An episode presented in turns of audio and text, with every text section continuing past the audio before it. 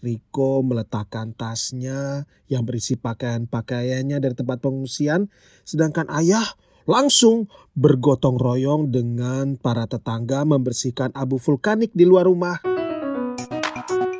Dongeng pilihan orang tua.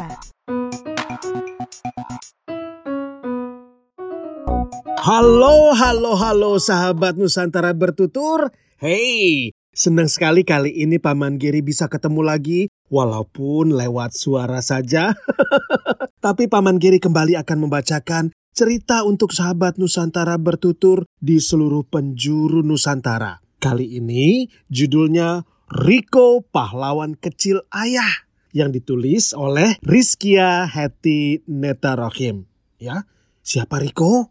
Nah, Paman Giri akan mengajak sahabat Nusantara bertutur untuk kita kenalan yuk dengan Riko. Riko adalah teman kita yang tinggal di Cangkringan.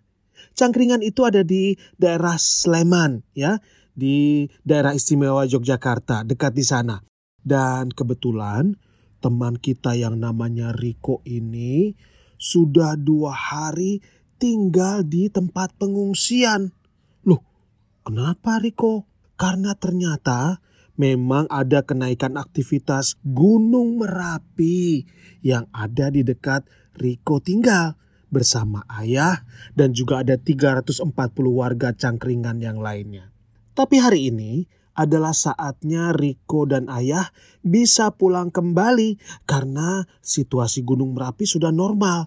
Jadi mereka bisa kembali ke rumah masing-masing dan dalam perjalanan menaiki bus bantuan pulang ke rumah dari pengungsian, di jalan Riko melihat keadaannya rumah-rumah warga dan juga pohon-pohon kelihatannya warnanya putih. Tahu nggak kenapa sahabat Nusantara bertutur? Karena tertutup abu vulkanik. Wah, memang masih terbayang oleh Riko waktu Gunung Merapi kemarin lusa itu meletus.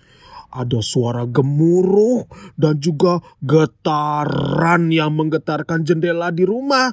Jadi membuat Riko dan semua tetangga mengungsi di balai desa, di desa lain yang terdekat yang tidak terkena dampak lentusan.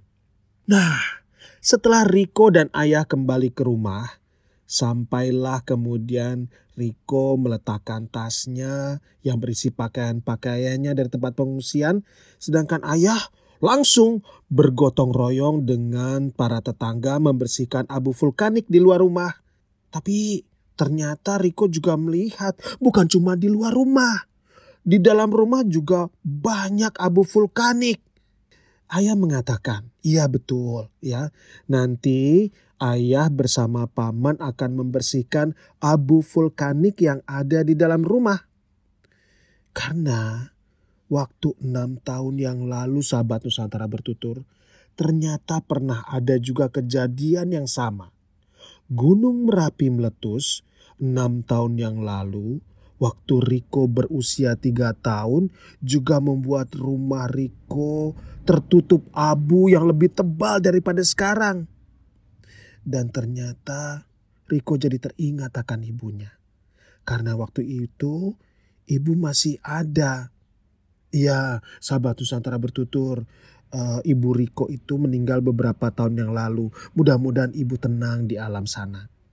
Nah, kembali ke membersihkan sekitar rumah bersama para tetangga dan paman, ayah memakai vakum cleaner juga ada ember besar berisi air dan juga kain untuk membersihkan perabotan rumah. Ada meja, kursi, dan lemari yang dielap. Riko ingin sekali bisa membantu. Ayah membolehkan. Tapi Riko nanti membantu untuk mengepel lantai. Uh, waktu abu vulkaniknya tinggal sedikit. Dan jangan lupa untuk tetap pakai masker dan kacamata.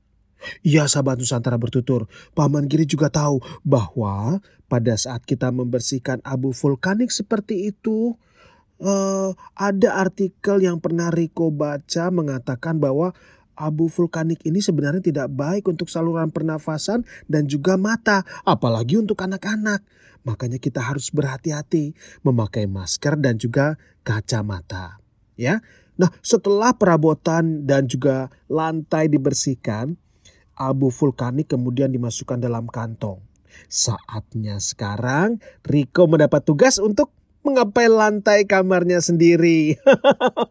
nah, setelah seluruh isi rumah bersih kembali, ayah dan paman duduk di ruang tengah karena mereka agak lelah. Riko juga ikut bergabung.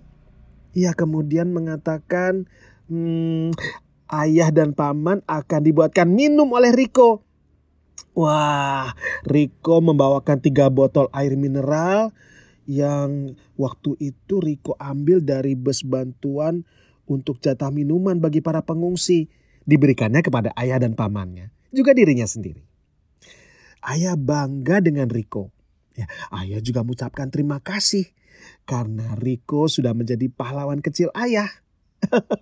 Riko pun senang Kan Riko memang sejak kecil sudah dilatih ayah untuk selalu peduli, juga menolong dan tanggap terhadap sesama. Nah, sahabat Nusantara bertutur, itu adalah cerita yang berjudul Riko Pahlawan Kecil Ayah yang ditulis oleh Rizkia Heti Netarohim untuk Nusantara bertutur kali ini.